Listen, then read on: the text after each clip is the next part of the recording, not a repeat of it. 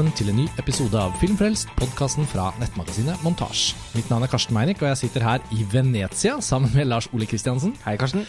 Det er jo tid for filmfestivalen her uh, ute på Lido. Uh, vi er tilbake igjen, og dette er den første festivalepisoden fra årets utgave av filmfestivalen i Venezia. Og vi skal snakke om festivalens åpningsfilm, Alexander Paynes Downsizing. Og Lars Ole, disse åpningsfilmene i Venezia har jo eh, de siste årene bygget en litt sånn sentral funksjon i det de kaller liksom the fall season, altså det som er starten på egentlig Oscarsesongen. Eh, I fjor var det La La Land, og for et par år siden så var det Gravity og Birdman på rekke og rad. Filmer som er åpningsfilm. Spotlight. Spotlight ble Ikke vist. åpningsfilm, riktignok, men den ble vist første dagen på festivalen i forfjor. Og mange måneder senere så går alle disse filmene hen og vinner da Oscar eh, i bøtter og spann. La La Land tok jo ikke prisen for beste film, men Nei. det var nesten. Men det var ikke mange av prisene Ingen som har ble, vært nærmere, for å si det sånn. Nei, det Best var- film, La La Land. No, wait, it's Moonlight. Og det var ikke mange av prisene som ble delt ut på Oscar-gallaen i fjor, som ikke eh, soknet til en film som hadde premiere i Venezia. Altså både En ting var La La Land, men også Hacksaw Ridge Og og Arrival. Arrival, og Mm. Jackie Mm. hadde jo Venezia-premiere. Dette bidrar jo til at åpningsfilmslotten i Venezia nå på en måte omsluttes av ganske høye forventninger. Det er liksom det motsatte av Cannes. Nettopp. Hvor, hvor programmet alt, nesten alltid eh, Nå kommer vi nettopp fra en Cannes-årgang som jo faktisk var litt underveldende. Men eh, det er jo festivalen som virkelig er berømt for å alltid ha veldig tettpakket, bra program. Men beryktet for åpningsfilmene sine. Og i Kan Venezia er det liksom motsatt. Det er ofte stor sjanse. Ikke alltid Vi kan være litt sånn motkritiske av oss på noen av de Oscar-filmene, men for veldig mange tror jeg ofte åpningsfilmen i Venezia forblir den beste filmen i løpet av hele festivalen. Og det, humoren er jo også at eh, hvis man begynner å bli litt vant med dette, som vi begynner å bli, så er det jo nesten sånn at i Cannes så kan man bestille flybillett litt sånn ettersom åpningsfilm. Altså, ja, nei, men du kan egentlig komme ned liksom på fredagen. Det går bra. Mens i Venezia er det nok heller motsatt, og i år har vi også kommet til Venezia et en hel dag tidligere, fordi vi var klar over at ikke bare at det var Downsizing som var åpningsfilm, og vi kommer tilbake til mange grunner til at den er spesielt um, etter, ikke etterlengtet, men ja, det var høye forventninger til denne filmen. Og så, og så ser man jo også at pga. et slags uoffisielt samarbeid mellom filmfestivalen i Venezia og filmfestivalen i Toronto på hvert sitt kontinent, da, så ser man at ganske mange premiere, verdenspremiere i Venezia må vises tidlig på festivalen, fordi de skal også ha nordamerikansk premiere i Toronto, og dermed kan ikke da Venezia vente med de filmene. Så Venezia kan være litt for tungt, og jeg husker vi nevnte det ordet veldig mange ganger i fjor, em, om filmene. At det var i Det var så mange fortunge filmer. ja, det var det. Stemmer Husker du? Ja, nå husker jeg så, det. Men dette bringer oss da til Downsizing, som er da årets åpningsfilm. Og for nordmenn, rett og slett, så er jo også filmen litt spesifikt interessant, fordi dette er jo da den første filmen som har fått støtte fra vår eh, ganske ferske insentivordning, som også har da premiere. Altså 'Snømannen' kom jo i oktober, og den er jo en det er jo den virkelige insentivordning-filmen, fordi alt nesten er filmet i Norge. Mens Downsizing har i utgangspunktet først og fremst filmet en, en liten bit av filmen i Norge.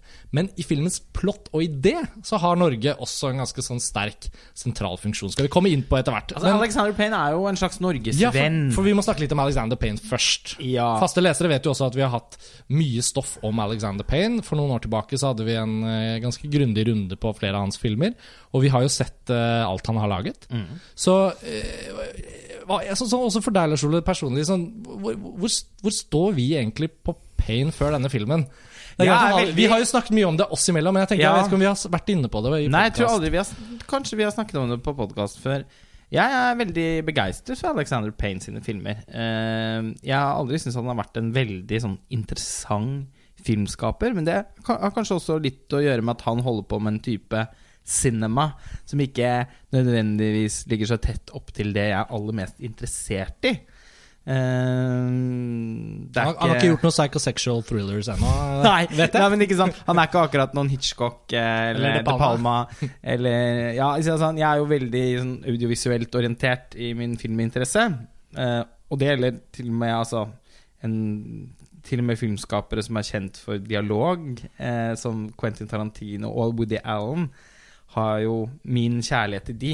Eller Handler jo vel så mye om at de er svært visuelt orienterte filmskapere. Eller noe sånn inn fra venstre som Abdelatif Keshishe, eksempel, som også kommer med film senere på festivalen i år. Mm. En, en filmskaper hvor man kan lure på hva, ja, men hva er Jo, men så kommer det, og så skjønner man jo, jo, men det, det er mange måter å lykkes i den Altså matchen på, radikale, spennende kunstnere Altså formgrep. Eh, alt som på en måte kan utfordre f- må, tradisjonell filmfortelling eller filmform. Alt som har med den slags å gjøre, syns jeg det er det som umiddelbart fascin... Det er min liksom my drug eh, med og- film. Og med Pain så er jo på en måte hans distinkte blikk, da, eller hans distinkte stemme, den tar jo ikke form av en sånn veldig, veldig klar karakteristikk. Bortsett fra hans litt sånn syrlig satiriske blikk på the, the middle American, på en måte. Ja, for det er dette som på en måte da blir eh, liksom paradoksalt. Veien inn. likevel Nei, men eh, jeg syns jo filmene hans er ganske uspennende ofte, som film. Altså eh, jeg, jeg, Det er ikke noe i hans iscenesettelse eller måten han strukturerer fortellingene sine. Det er liksom aldri Det er aldri der det ligger helt, for meg, med Pain. Men like, når jeg likevel er veldig glad i han, egentlig, så er det at jeg syns han har et veldig fint blikk på mennesker og klarer å skildre mellommenneskelige relasjoner og folk som havner i en, i, i en veldig sånn Ofte i en veldig spesiell situasjon på et bestemt sted i livet, og som plutselig blir litt sånn går i vranglås. Så skulle lytterne ikke da umiddelbart tenke, vite hvilke filmer vi tenker på, uh, siden han er berømt, men kanskje ikke så berømt, så er det jo i hvert fall da uh, Han hadde to veldig skarpe satirer de to første filmene hans, 'Citizen Ruth' og 'Election', til slutten av 90-tallet. Og 'Election' er jo he en helt fantastisk film. Ja, klart beste han har gjort. Han har gjort. eh, Og det er også den filmen med størst ambisjoner eh, rent altså sånn Form, formmessig. Da. Montasjeteknikker, overlappende. Det er veldig mye minner jo spennende. Jeg husker jo vi spiste en lunsj med Alexander Payne da han var i Trondheim. han er jo noen. Norgens venn, Ja. bokstavelig talt. Så vi har jo møtt han også i Norge. ja Og hvor han fortalte om et prosjekt som han kalte for sitt epic masterpiece, eh, som involverte en del norsk, norske elementer, eh, som da har blitt denne filmen 'Downsizing'. Dette er Mm. jo noen år siden, så det er morsomt at han den gangen snakket om det som en slags sånn utopi å få laget den filmen. Ja. Og nå har han fått laget den. Men hans kommersielle gjennombrudd ble- kom jo da med Sideways, eh, disse to kameratene som drar på vinsmakingsturné oppover i California. Og så med About Schmidt med Jack Nicholson. Og etter Den kom hvert- før 'Sideways'. Ja, jeg vet, men jeg mener sånn det, liksom, de, de, de, de filmene som på en måte markerer hans mest sånn kommersielle synlighet. Men About Smith og, uh, og Sideways, det var jo de Oscar-gjennombruddfilmene. Altså, men Sideways ble jo et enda større fenomen. Altså sånn, Ja da, det er den filmen klart. som er mest sett, tror jeg. Ja. Alle, alle, alle og han fikk vel sin første Oscar-nominasjon for beste regissør og vant for beste manus for den. Det var på en måte Jack Nicholson som fikk mest oppmerksomheten for. Schmidt, ja. Åh, en fantastisk rolle. da, Jeg Mm. elsker den filmen. Det gjør at man savner Jack Nicholson. ja, Men åh, there må- må- må, ja, må, måtte Tony Erdman-remaken bli så bra den kan bli. Da måtte den bli regissert av Alexander Payne, kanskje? Ja, det hadde passet. Men, uh, jo, men det jeg skulle si når jeg sa at ja. eh, vi spiste en lunsj med Alexander Payne i Trondheim for noen år siden, så fortalte han om eh, Vi ga veldig uttrykk for at vi syntes at 'Election' var den beste filmen han hadde lagd. Ja. Man merket jo på at han var veldig åpen for det. Han var ikke sånn Han, Han trengte, han trengte ikke å bli liksom klappet med hårene. Nei, ikke virkelig. Han var veldig Selvkritisk òg. Veldig selvkritisk. Veldig selvkritisk. Ikke møtt maken, egentlig. Virket jo ikke som han syntes noe av det han selvdestruktiv, ja, virket ikke som han syntes at noe av det han hadde lagd, var så veldig bra, bortsett fra Election, som han var veldig stolt av. Så han syntes det var gøy at vi eh, foretrakk den. Mm. Og han nevnte da Casino til Scorsese som en viktig referanse for den filmen. Som vi hadde snakket om Mm. eh, da i en eller annen sammenheng ikke så lang tid i forveien. Mm. Så det var litt eh, morsomt. Men den, den er på en måte noe helt annet enn det andre han har gjort. Så lagde han jo The Descendants. Også den vant Oscar for beste manus. En film som for mange var ganske underveldende, men som jeg også satte veldig pris på. Jeg syns det var skikkelig fint spilt. Jeg syns det var eh, Altså Den introduserte verden for Shailene Woodley, som har blitt en skuespiller som eh, Hun er på en måte alltid noe av det beste med filmene hun dukker opp i, også i den. Eh, George Clooney er også en sånn skuespiller Altså han har ganske store problemer med han som regissør, men som skuespiller syns jeg nesten alltid han er god. For han har en sånn Cary Grant-aktig naturlig karisma som han fikk masse ute for i The Descendants. Og jeg syns samspillet mellom han og Shelly var helt nydelig. Bitte, bitte liten film, men helt super. Og det syns jeg ikke minst om Nebraska, eh, som ja, for meg egentlig kanskje var den beste filmen han har laget siden Abart Smith. Mm, det var den forrige filmen hans da. Med. Ja, med Bruce Dern. Svart-hvitt med Bruce vidunderlig Dern. rolle. Den Eh, gjorde det egentlig ganske bra til å være en eh, forsvinnende på en måte antikommersiell film sånn utseendemessig. da Skutt i sort-hvitt. Gammel, sur gubbe. Ikke Ja. Jack Nicholson, men Bruce Dern, som nesten ingen vet hvem Nei. er, egentlig. Det er morsomt at den filmen gjorde det så bra. Fikk jo også masse Oscar-nominasjoner. Og Så han egentlig har jo Alexander Payne havnet i en sånn, litt sånn klassisk posisjon som en litt sånn studioregissør. Eh, man kan kalle alle filmene independence, men de der linjene mellom independent-film og, og mainstream-film er liksom forsvunnet på et visst nivå i amerikansk independent-film. Og han lager jo filmer en, i en sånn budsjettskala. Kanskje ikke Nebraska, da, men liksom Descendants og denne Downsizing De ligger sånn midt på 20-30-40 millioner dollar i budsjett, sannsynligvis. Sånn Denne nye har jo mye spesialeffekter også. ja, Men- si, den, ja. den ser jo dyrere Men, ut. men Payne gjør jo ikke disse han, han har jo sluttet å gjøre litt sånn grovkornede, tøffe satiriske prosjekter som Citizen Ruth og Election var. Han er blitt en mykere, mindre farlig filmskaper gjennom mange av de filmene. Og Da tenker jeg særlig på The Descendants, da, som jeg syns var en veldig skuffende film. Den likte jeg ikke i det hele tatt. Nei, jeg Jeg skrev en ganske sånn syrlig omtale av den på montasje mm. tidlig eh. Ja. i jeg, montasjetidsalder. jeg så den jo en god studie etter. Jeg husker at jeg ble veldig positivt overrasket. Så Ja. ja, verden, så Nei, det- jeg sur du synes... var med den. Men uh... Jeg opplevde at den var veldig fiksjonell på en eller annen måte. Jeg, jeg opplevde at den var skrevet og spilt. Jeg kjente ikke at jeg kom under huden på filmen. Uh, Shailene Woodleys rollefigur og rolletolkning var på en måte lyspunktet. Og han er god med skuespillere. Når han virkelig er god, så er han, så er han Det er en av hans styrker.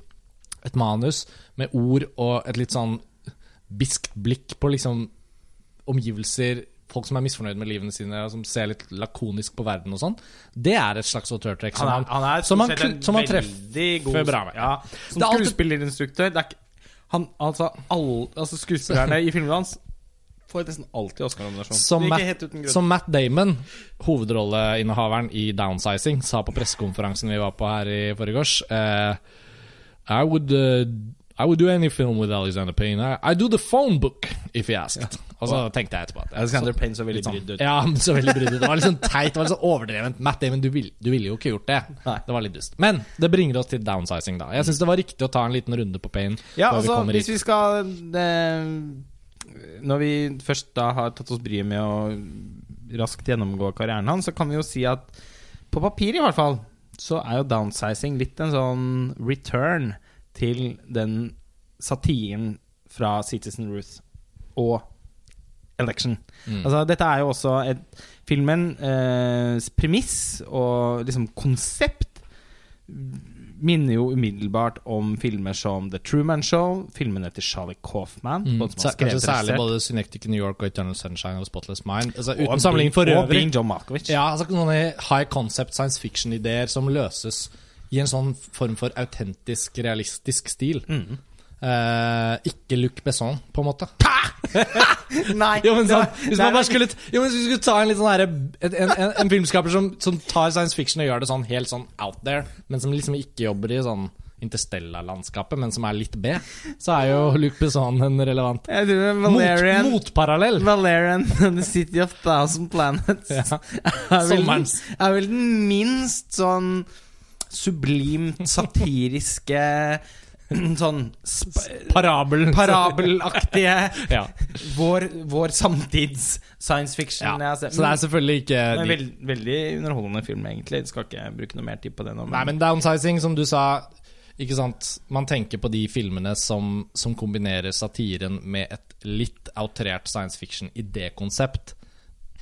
Truman Show er jo på en måte nærest en form for virkelighet innenfor konseptet nesten- sitt. Fordi Nei, nesten. et år etterpå så begynte den, ja, ikke år sant? har. Tiden har tatt igjen Den er jo en Den er jo- klassiker, ja. et mesterverk. Eh, Men, eh, men downsizing er jo på en måte sånn absolutt science fiction, da. Eh, Fordi hovedideen her er bokstavelig talt at en norsk forsker på et norsk forskningsinstitutt i Bergen finner opp en teknologi som gjør at man kan krympe et menneske uten at det tar skade av det, med en, ned til en tusendedel eller en totusendedel av sin opprinnelige størrelse.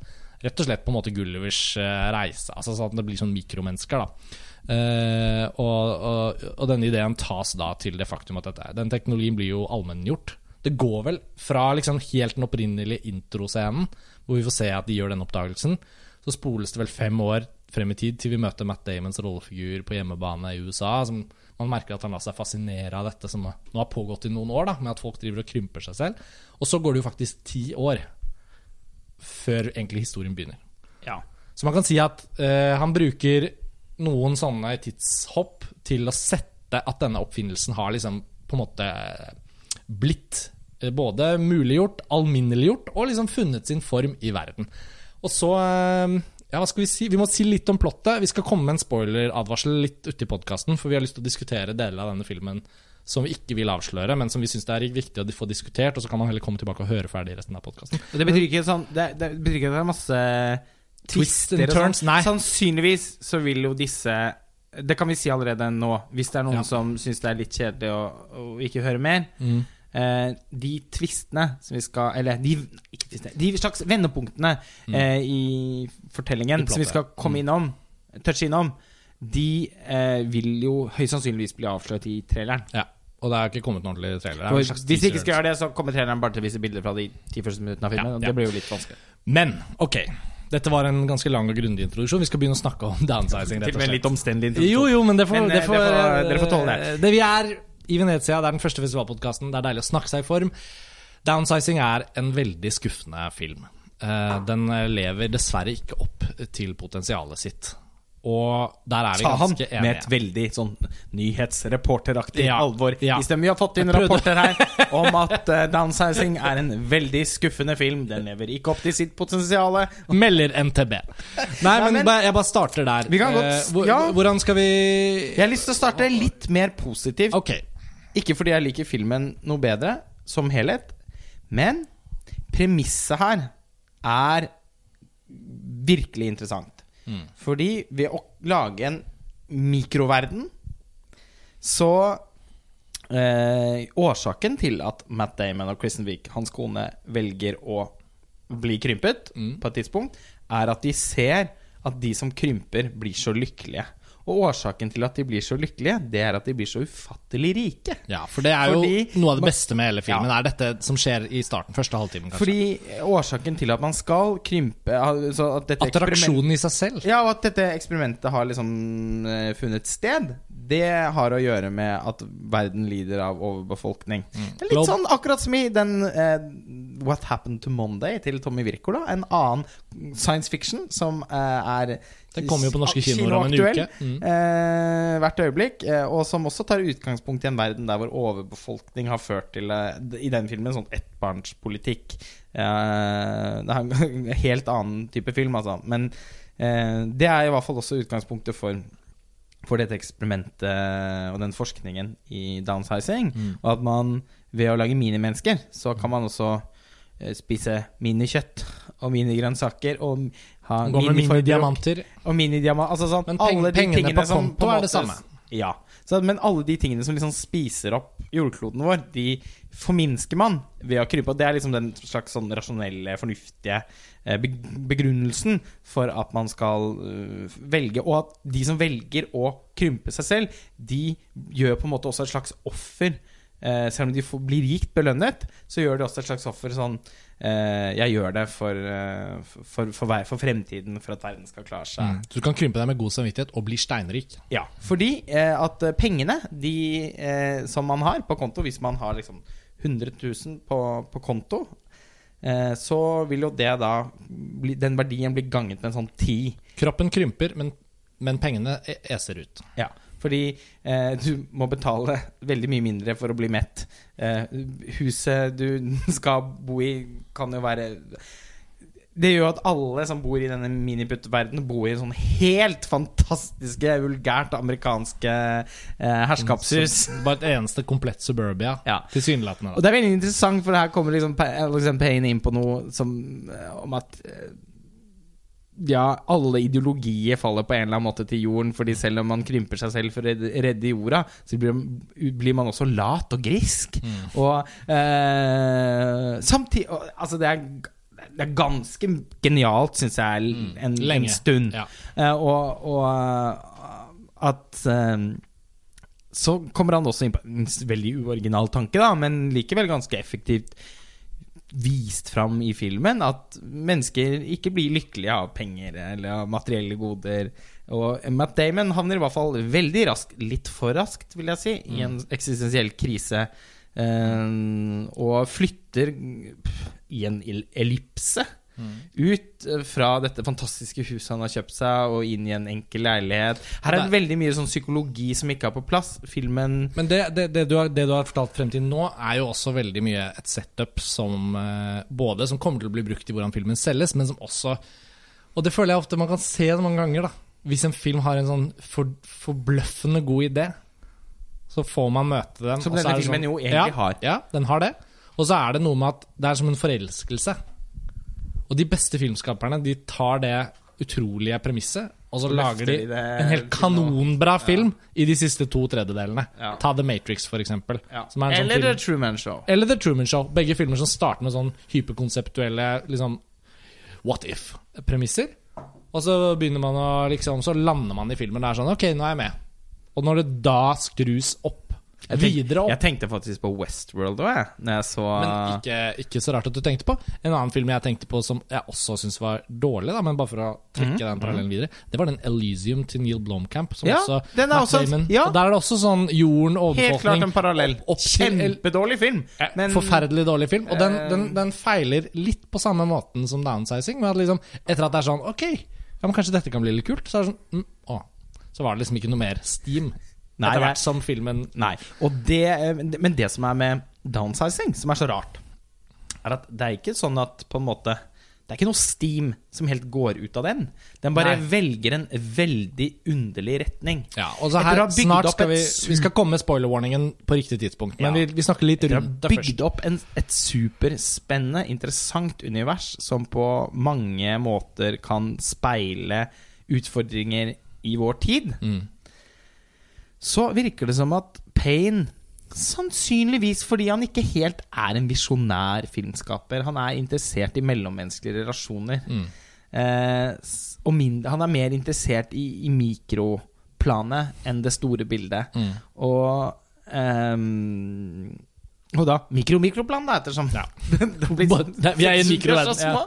Eh, nei, men eh, Det som er besynderlig, er at han etter å ha bygget opp så mye spennende, bare liksom mister interessen for å utforske det. Mm. Så vi blir vi, vi får en eksposisjon, men vi får ikke den vidunderlige fasen i sånne type filmer hvor man liksom begynner å bli Hvordan funker egentlig denne? Mm. Som å gå Hvordan, hvordan opplever de det på kroppen når de har fordi, For det, de kan ikke se forskjellen, fordi alle størrelsen på ting er blitt tilpasset Mm. dem.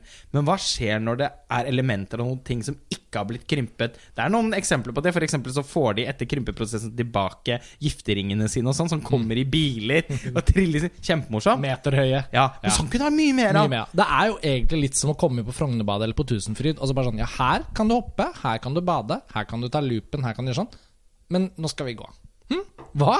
Skal jeg, skal jeg ikke få lov å ta en dypp? Skal jeg ikke få hoppe fra femmeren engang? Nei. Nei, vi har ikke tid, for vi skal videre på Vi skal gjøre noe helt vanlig. Ja. Det er litt sånn, da. Eh, eller i film Jo, men Vi gjør eller, noe helt vanlig, Ja, men det er akkurat det som skjer. Ja, og i- eller i plottsammenheng. Sånn, ta Gullivers reiser, som vi var inne på før, da.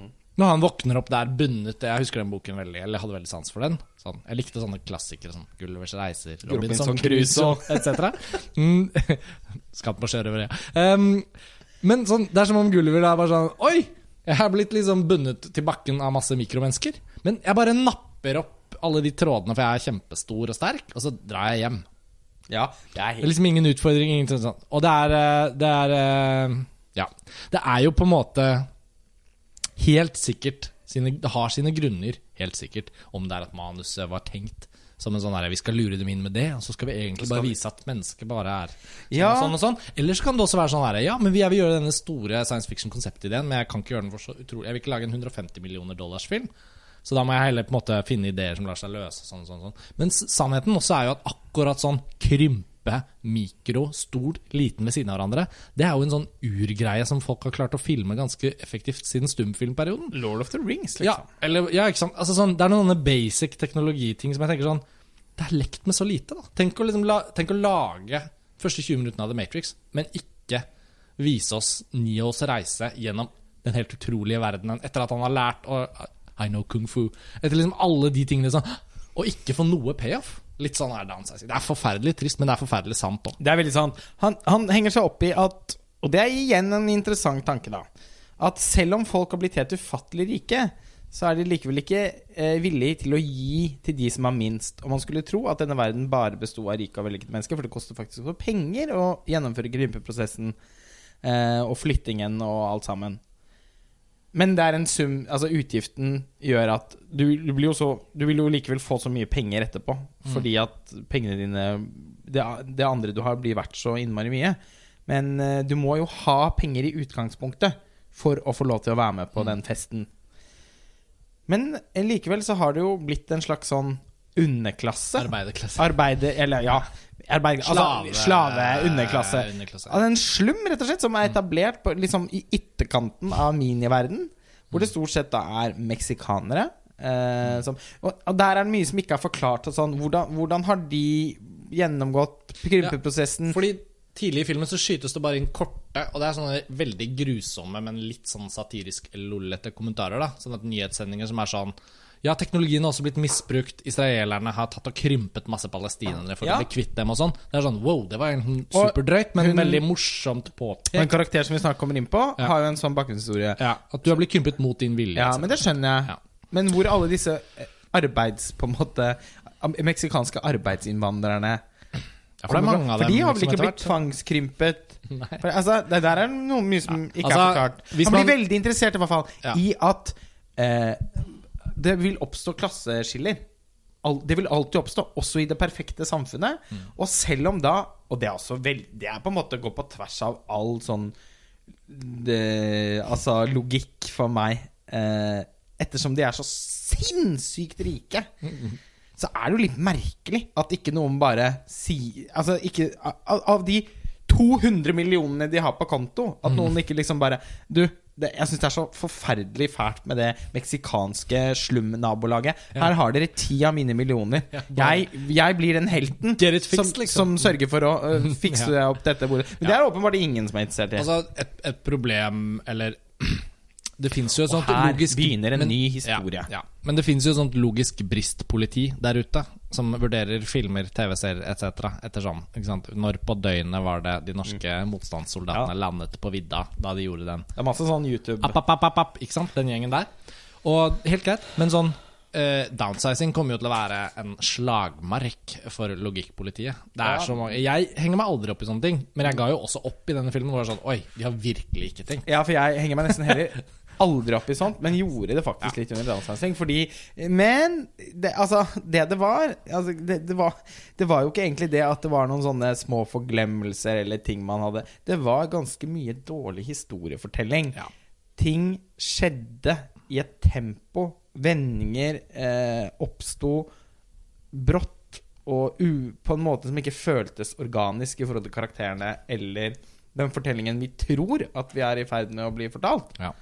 Så Før vi, før vi går inn på spoilere, da, så kan vi jo på en måte oppsummere det at eh, til vår ganske forbløffelse så har jo da de første reaksjonene fra sånn amerikanske, britiske kritikere og sånn vært rimelig positive egentlig til downsizing. Veldig positive. Og for oss er det nesten sånn Det er en sånn, kan av og til være en sånn hysteri eller en sykdom som går på visse sånne festivaler, hvor det bare blir en veldig positiv eller veldig negativ omtale rundt Ja. film. Så, så står vi der som sånn spørsmålstegn tenker sånn Men har de ikke sett den samme filmen som oss?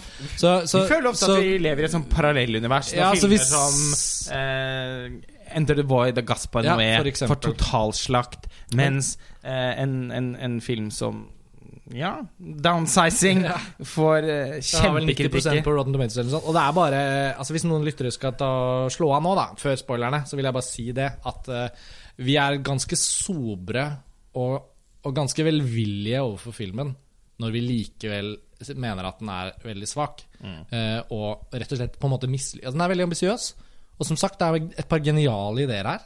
Det er noen kjempemuligheter for å, for å lage en eh, kjem- dødsinteressant satirisk eh, komedie, på en måte. Men den er mislykket, og det er faktisk litt sånn at jeg kjenner på en sånn objektiv Den var ikke morsom, f.eks. Det var nesten ingen som lo. Nei. Den har ikke klare linjer mellom når den er Og det er rart, fordi. Alexander, Play, Alexander Payne pleier å være veldig god på å få folk ja, til å le. så, så jeg vil bare si det før, før folk eh, venter med å høre resten av podkasten til de har sett filmen. At, at eh, jeg kjenner meg ganske trygg på at dere kan liksom senke forventningene. Og, og en annen ting som kanskje vi kan ta før spoilerne, det er jo at Norge kommer veldig dårlig ut av denne filmen. Ja, det er bare å avlyse den insentivordningen. Det Altså- var ikke noe vellykket, det. Nei, altså Nei, her, er har- Denne filmen har jo fått det- støtte av insentivordningen til å filme bl.a. i Trollfjorden i Lofoten og sånn. Og, og noe av konseptet rundt nordmennene og Norge i denne filmen er på en måte en, en, en ekstremt uh, spydig, satirisk skildring. Så, så den litt sånn trollklubb-lignende nordmennskildringen i filmen er for, en nord, for to nordmenn som oss å se var sånn nesten sånn oppriktig fornærmende. Ja, det og så det. tenker jeg han må ha rett som kunstner til å ville, hvis han vil skildre Norge på den måten, så gjerne det. Men oh, det er ikke noe sånn Å, nå kommer turistene! Nå har Hollywood laget film i Norge. Det var hvert fall sånn ikke en veldig. Altså, hvis vi Norge og skal være skandina det kritiske til skandinaviske. Hvis vi skal være kritiske til eksotisme eh, og den slags, Mm. eh, så Så nå blir vi rammet av det selv. Hvis vi skal være litt sånn politisk korrekte, Mm. eh, for en gangs skyld, så eh, er jo Var den noe ganske sånn offensiv i måten den skildret eh, norsk kultur på. Jeg syns det er underlig at Alexander Payne, som selv har vært så mye i Norge, Mm. eh, reduserer Altså, jeg, fordi det fikk ikke noen komisk effekt heller. Det var ikke morsomt. Og jeg tror ikke det bare var fordi at vi ble litt sure, for Nei, det var nei, ingen nei. andre som lo i salen. For å si det sånn, når de kommer da til eh, inn denne Ja, hva er det, Trollfjorden, Mm. eh, og, og det er også gjevt med nasjonalromantikk, og Mm. akkurat som i turistbrosjyrene. What a wonderful place! Og så kommer de da til den, den opprinnelige Miniput-byen, som Mm. ligger innerst i den fjorden. Og der er det sånn Hello, welcome here! Welcome to Norway! Isn't it fantastic here? Og Bare svenske skuespillere Ja. with a Swedish accent. Ja. But uh, Og på stranden så har Altså, de satt sånn seg for å se på midnattssolen. Men der er også da Og det er jo for så vidt sikkert kanskje velmenende, jeg vet ikke. Der er liksom alle kulturer representert. Så da var det ikke liksom bare nordisk. Og så er det- sånn. Og så sitter de og spiller jambetromme ved bålet, og så er det sånn synging og hoiing, og de er nesten som en sekt. så er det kanskje sånn én fra hver eneste kultur i verden som er samlet der. Så Ja, da er det litt sånn Da er det litt sånn 2012 av Roland Emmerich på Arken-stemning. Ja, alt var bare veldig rart. Ja. Men, men samtidig så Og det var jo også sånn at det var sånn vikinglandsby. Ja. Så det så ut som vikinglandsbyen på Tusenfryd. ja, det var så jævlig tett! Veldig dårlig produksjonsdesign. Egentlig syns jeg jevnt over i filmen etter hvert som den ble svakere og svakere. Um, ja. Så nå har vi sagt dette, da. Det er litt viktig å få bare Welcome to Norway. Ja, fy faen. Det, var, det, det gremmet seg. Men nå skal vi ta noen spoilere. Så da vet dere det. Det kommer en karakter eh, på et tidspunkt som eh, Matt Damon, eh, etter at han blir sur og flytter i leiligheten eh, Det er igangsatt av at kona hans, spilt av Kristen Wiig, eh, angrer under før prosessen Menn og kvinner blir forminsket i forskjellige rom, så de sier ha det og see you on the other side og sånn. Og så viser det seg at hun trekker seg når de begynner å barbere henne håret og sånn, fordi hår og sånn, ten, sånn fyllinger i tenner og sånn, det må trekkes ut og klippes av. Det kan ikke være med gjennom. Så hun trekker seg da. Så da når han er blitt miniputt, og du kan ikke reversere prosessen, så ringer hun og sier sånn Du, vet du hva, jeg, det ble for drøyt for meg, dette her. Ja. Du får Jeg gjorde det bare for deg. Du får, du får ha det gøy. Vi skilles, liksom. Og det er noe vi ikke ville på en måte avsløre. Sånn. Fordi det er en grei vending å, å oppleve, og det har jo da dere som, Hvis dere hører på nå etter at dere har sett filmen, så er det jo en vending som man merker at det er veldig sånn skillelinje i filmen. Da blir Matt Damon også er litt sånn psykologisk utfordrende. Ikke så veldig bra spilt, faktisk, av hun Kristen Wiig. Det er den første skikkelig dårlige scenen. Mm. Nei, ja, ikke bra. Og så Og den rykker Ok, eh, det var en veldig spesiell måte å reagere Altså, ja vel, på en måte. Mm. Og så er Matt Damon jo, ganske kjedelig rolle, syns jeg. Mm. Sånn fargeløs, Han skal liksom sur. være en fargeløs type, men det er sånn når det er i en film, så må han likevel da bli Ja, jeg, litt mer interessant. Han var veldig uspennende, syns jeg. Og så får han en Helt En sånn vill Christoph Waltz som nabo, som spiller den samme rollen som han har spilt i alle filmer. Eh, hello there! No! Come up to my apartment! her er han serbisk, så da er det sånn Han kan fortsatt alle språk. Det er litt sånn som Ja. i Inglourious Bastards. Akkurat sånn. men sånn Han men- slår på but- tysk, på ja. fransk. Men uh, Dujan er han denne gangen, så da er det liksom litt forskjellig. Det er så- to my apartment! er Underbitt smil han sånn. Han spiller i én film. Kristen Wiig spiller i en form for komedie. Matt Damon spiller litt fortsatt i Good Will Hunting, liksom. Han, jo, men sånn, Ja. Det er noe sånn understated Og drama Udo som han Kier dukker opp Kier eh, dukker som opp. eh, Christoph forferdelig Walls eh, kamerat. Ja. Og eh, de har virkelig valgt å leve sånn i sus og dus er for de har så mye penger, de gidder ikke å jobbe, og eh, her kan jo alle bare leve livet, på en måte. Og det kunne filmen egentlig hatt med på en vellykket måte. Hvis Ja, var absolutt. bedre integrert i det den velger å fokusere på. Men så, når Matt Damon uh, våkner opp uh, veldig sliten etter, Etter en også ganske tåpelig russekvens, Ja, hvor han tar noe dop på fest hos Christoph Waltz og havner inn i en sånn psykedelia-sekvens. hvor uh, Christian Wiig dukker opp i midten av en blomst. Ja. Ikke bra. Eh, men litt sånn rustne dagen etterpå, og så banker det på døren, og så er det 'Hello, come in, clean, clean house, clean'. Så kommer det en vietnamesisk kvinne som vi, det viser seg at vi har sett tidligere i filmen. ja, I et nyhetsinnslag. I et nyhetsinnslag så har det fremkommet at uh, vietnamesiske myndigheter har krympet henne som en straff. Uh, og så har hun eh, forsøkt, for, fordi hun har vært en sånn politisk uh, gjort Altså vært en sånn opprørsfigur, ledet en opprørsbevegelse i hjemlandet. Uh, og hun er på en måte en slags sånn politisk flyktning. Litt sånn Aung San Suu Kyi, nobelpris-Burma-stemning Yes. rundt henne. Og så har hun blitt eh, i en sånn liten TV-kasse, TV-box, Mm. så har hun uh, blitt transportert sammen med en del andre, Mm. og alle har dødd. Bortsett fra henne, som bare, men som har mistet et bein. Så hun er, eh, går rundt på sånn Ja. protese. Og selv om hun da på en måte er en sånn sensasjon, nyhetene kom til Lilleputtverden her og sånn, så får hun da en Hun blir jo på en måte en Hun blir sånn en del av underklassen. Ja. Så hun er vår vei inn i det som vi var inne på i stad. Så hun får et slags treben. Eh, en treprotese. Veldig sånn gammeldags. Eh, og så skal hun jobbe ræva av seg med å vaske hus for å få endene til å møtes, og bor i en sånn forferdelig skitt leilighet i det slumstrøket. Men i lilleputtverden hvor alle er så rike, og hvor liksom alt er ordnet, hvorfor er det så sykt vanskelig å skaffe en ny protese til henne? Ja, eller sånn- merkelig. Det er så mange logiske brister. Ja, Og, og etter hvert som uh, Matt Damon da, For han blir da kjent med henne og blir litt sånn fascinert av henne. Men vil ikke åpenbart ikke på et eneste tidspunkt gi henne så mye som en krone. Heller vil han hjelpe henne. Og vi har fått vite at han har 120 millioner på konto. Og kanskje er det sånn tenkt da at fordi at han får og gjennomlever denne slags eksistensielle krisen, eh, litt sånn Lost in Translation-style, uh, så er det viktigere for han å være med henne og jobbe for å føle at han betyr noe. Men det mest betydningsfulle han ville ha gjort, hadde jo bare vært å gitt noen av pengene sine til henne og til de hun, hun hjelper. Fordi hun er også sånn, fordi hun er politisk aktivist fra utgangspunktet, så er hun veldig sånn opptatt av at å Veldig hjelpe andre mennesker. anlagt. Ja, så I tillegg til at hun eh, jobber veldig mye eh, for å tjene penger til å kunne ha den grusomme lille leiligheten, så er hun også opptatt av å hjelpe andre som har det enda vanskeligere enn henne selv. Hun passer bl.a. på en kreftsyk dame, og i det hele tatt. Og hun er jo Med henne så tar filmen en helt ny retning og blir en markant dårligere film. Eh, og forlater egentlig nesten hele premisset. Da det blir en slags sånn øh, nesten Først en slags sånn merkelig form for buddy-komedie mellom de to, og så blir det noe romantikk.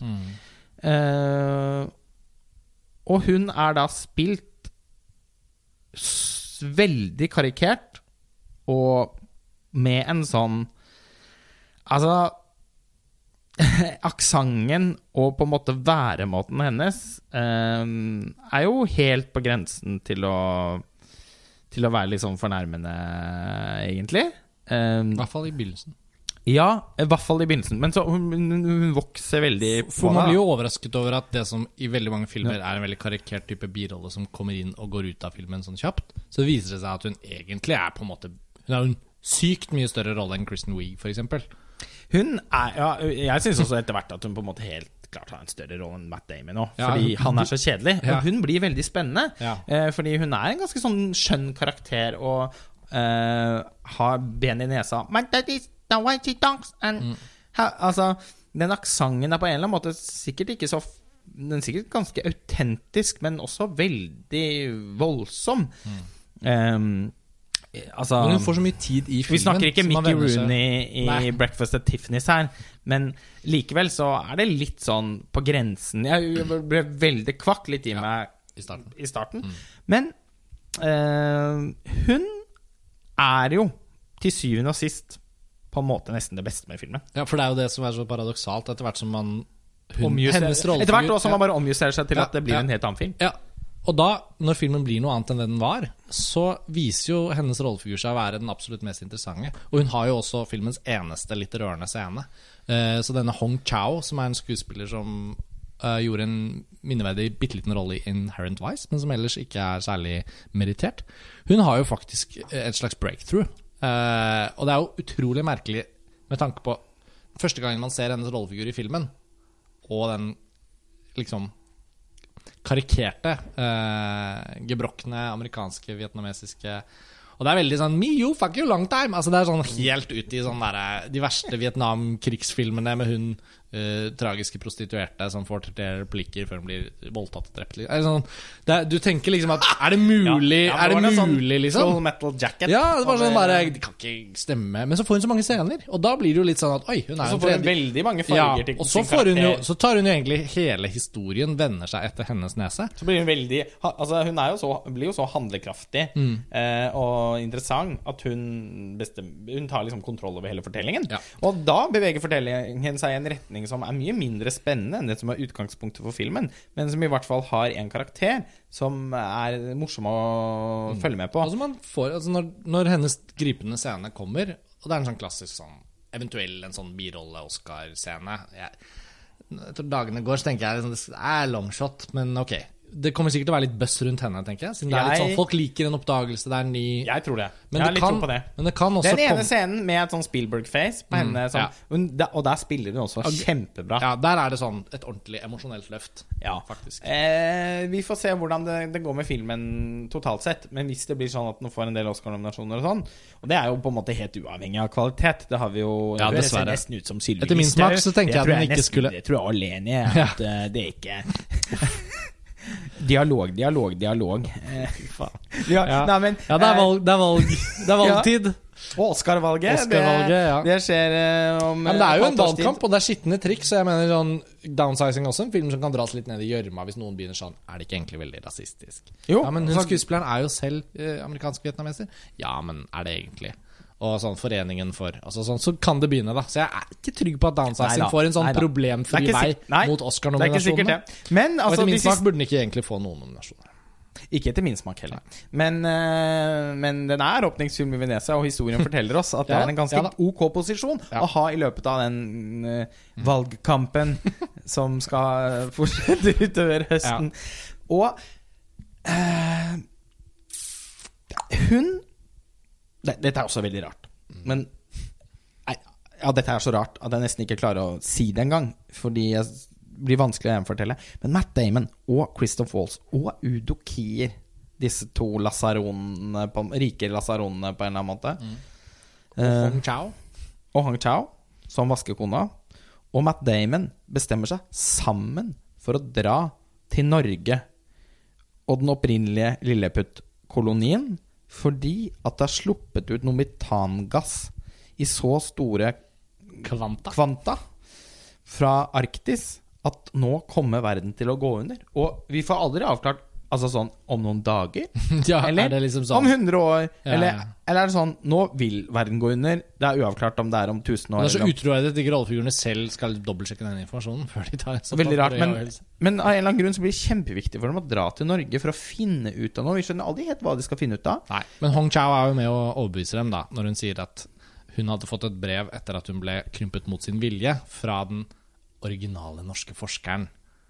Er det Asbjørnsen? Jørgen Asbjørnsen? Eller som de sier Spilt gjennom av- hele filmen, Jorgen Asbjørnsen! Eller Rolf Lassgaard, som jeg Ja. Det er jo nesten ingen nordmenn i filmen. Det er Ingjerd Egeberg som spiller kona til Jørgen Asbjørnsen. Hun har en eller to replikker. Eh, jo, men det blåses opp, ikke sant? Det er egen sak i bransjebladene. Norwegian actress Ingjerd Egeberg gets a character. Og jeg men sånn, det, det kan hende det er eh, norske filmfolk som har jobbet på filmen, som hører på. Og sånn. Og jeg synes sånn Det er helt åpenbart at jeg tror man har ønsket å utrette noe i denne filmen som kunne ha blitt mye mer enn det det har blitt. Men det det har blitt, er veldig veldig minimalt og veldig veldig karikert. Og veldig usmakelig og litt sånn skamfullt. Fordi Oi. Det var, Nei, Ikke, Ja, men noens, på- ikke noens innsats, men måten Norge fremstår på i filmen. Nei, vi kommer ikke lenger. Nei. Vi blir ikke mørkere enn i kjelleren. Nei, men altså det, eh, Jo, men jeg er jo en, til dels på en måte helt enig i det, fordi eh, Jeg håper det også på en måte fremkommer at filmen underveis har en del sånn lyspunkter og morsomme elementer, interessante elementer ved seg. Men helheten blir helt ødelagt av at det filmen lover oss at den skal handle om, ender den ikke, opp med å Det mister den liksom interessen for. Og denne slags eh, vennskaps-, kjærlighets-, noe et eller annet historien er jo i seg selv veldig uoriginal. Eh, Det er en ganske original eh, En, en original duo, kan man si. Men det blir på en måte bare en, en, en miks av elementer og tonearter som ikke lager musikk sammen. Og når eh, og, og, og det er en sånn annen logisk En sånn irriterende ting. Når hun da forteller Det er, veldig, det er en gripende scene hvor hun forteller at hun har blitt invitert av disse norske Jørgen Ja, det var det, det var det vi skulle frem til. Ja, Ja. Jørgen Asbjørnsen har komme, hørt ja. om hennes skjebne og sendt henne et et han, brev. men hvorfor har ikke han da liksom Kom, vi betaler hotell og reise. Fordi hun forteller at hun har ikke kunnet dra fordi hun har ikke penger, og hun er nødt til å jobbe for å tjene Men alle er jo så sykt rike. Altså, jeg skjønner Ja. bare ingenting av det. Nei. Det er et konstruert dramatisk premiss når filmen allerede har sagt at dette kunne vært løst. Det er litt sånn sånn når det er noen som beveger seg på tvers av verdenen i Game of Thrones eh, fra et sted til et annet på ganske kort tid, så blir man litt sånn Ja, men for to sesonger siden så tok du en rollefigur 15 episoder liksom for å komme seg derfra til dit. Det gikk veldig fort for den ravnen å fly fra. Det, det er jo forståelig noen ganger at man får en sånn Faen, det var jo ikke logisk i det hele tatt. Nei. Denne filmen har dessverre veldig mye av dette. Mest av alt fordi ideen som den presenteres som en sånn satirisk blikk på en sånn mikroverden hvor du kan komme og bare bli dritrik så lenge du krymper deg og liksom tar ansvar, så går den ikke, følger ikke den tråden. Og så skal den begynne med noe annet. Men vi husker jo at han har 120 millioner på konto. Han kunne jo gjøre hva som helst. Det er jo egen plass for mikrofolk på flyene. Og det er skipet til Udokir. Det var jo veldig lett å frakte, for det er jo bare som en sånn liten miniatyrbåt. Det er bare sånn, det er så mange sånne ting som den selv sier. Og så en halvtime senere i filmen så er det sånn Nei, men hvordan skal vi klare dette? Eller sånn som hun sier da. I couldn't go, I couldn't go, now I wanna go. Uh, ja. Nei, altså, det, den blir Du føler liksom filmen kollapser foran øynene. Det er veldig slurvete verdensbygging. Mm. Ja. Og så Ja. ender den liksom i en fiasko i Norge, og det er da særlig Det blir jo særlig forstyrrende for oss nordmenn. Kan jo ikke nekte for det. Det er sikkert ikke så ille for andre. Fordi Nei. de ser bare et karikert nisseland Ja. eh, med Men at, fjåsete at Norge da på en måte er redusert til en uh, vikinglandsby à la Tusenfryd Mm. Med sånn people spel. that talk Med spel, ja. Med people that talks with accents abroad that it has, it has been unheard of since the 70s. Det er jo på en måte ræva, da. Det er kjemperæva. Og Og der lander vi vel litt. Eh, Det er jo ikke så mye mer å si om downsizing for oss, tror Nei, jeg, enn nei. at eh, det er en film med en ganske sånn spektakulær kollaps i forhold til hvor lovende og, og morsomt utgangspunktet for filmen er. Altså Mange av hans tidligere filmer har hatt et ganske lavt ambisjonsnivå, så har han lyktes veldig godt med det han skal lage en film om. Sånn, Sideways er på en måte også helt utrolig basic og litt banal. Men den er liksom så herlig fordi han har gjort noe bra castingvalg, og så sprudler de av det er gårde, og så drikker er de vin og kødder og driter seg ut. Og det er gøy. Men det er jo sykt lave ambisjoner på den filmen. De bare Ja. kjørt rundt i California og kost seg. Ja. Det er sikkert Ja, det er veldig gøy å lage og sånn. Ja. Men Ja, men det er en liten Downsizing har veldig høye ambisjoner. Men for meg, helt åpenbart Alexander Paynes minst vellykkede film. Og også ja. den jeg har minst glede av å se, da. Ja. Så det er, Nei, det jeg, og, det, og det er og sånn ingen glede, det er ingen skadefryd nå over å, å liksom sable ned denne filmen. Fordi Nei, jeg hadde kjempelyst til å like den, jeg, og likte ja, den ganske lenge ja. Det er Så- filmen selv som bare rett og slett ikke Han får det på en måte bare ikke til. Nei. Det er litt sånn, Jeg kan løse det mattestykket. Ja, men dette er veldig komplisert. Må ikke, må ikke du be- komme opp her på scenen og si at du kan det hvis ikke du kan det? Jo, jo, jo, men jeg kan det. Sånn, nei. This is going to be my epic masterpiece. I don't know if I ever going to actually do it, and I don't know if I can do it, but I really want to. Og eh, det er litt sånn Jeg føler liksom at han Nei, kunne ikke. Det er kult at han har prøvd ordentlig, og det er kult egentlig å se. Det er gøy å se film som Alex. dette er prøvd Ja, og det er gøy å se Alexander Payne. Altså sånn Den filmen, delen av filmen som han lykkes best med, er jo også den mest ambisiøse delen. Mm, det er sant.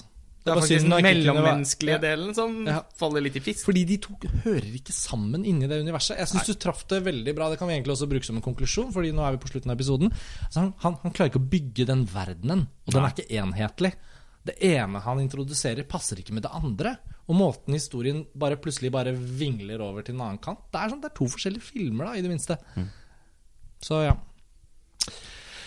Ja, vi var jo litt kritiske til La La Land i fjor òg, men jeg tenker den var jo litt bedre enn dette. Den var ganske mye bedre, ja. Eh, Hvis, man tar, og hvis vi nå oppsummerer med åpningsfilmpremisset Men ingen av de når opp til knærne på Burpman. Nei. Eller, eller Gravity, egentlig, heller, syns jeg. Nei.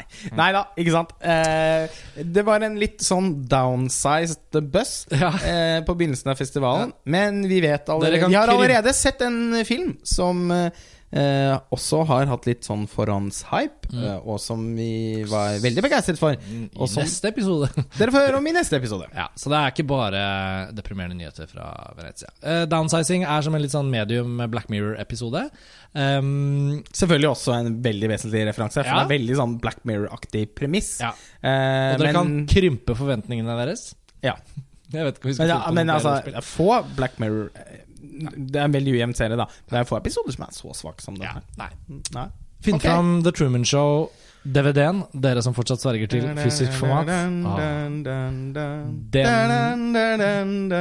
Det masterpiecet der uh, er av et annet kaliber. Høyt på 90-tallslisten. Takk for at dere hører på. Dette var den første av flere Venezia Filmfestival-episoder på Filmfrelst. Vi er tilbake meget snart. Ciao. Ciao.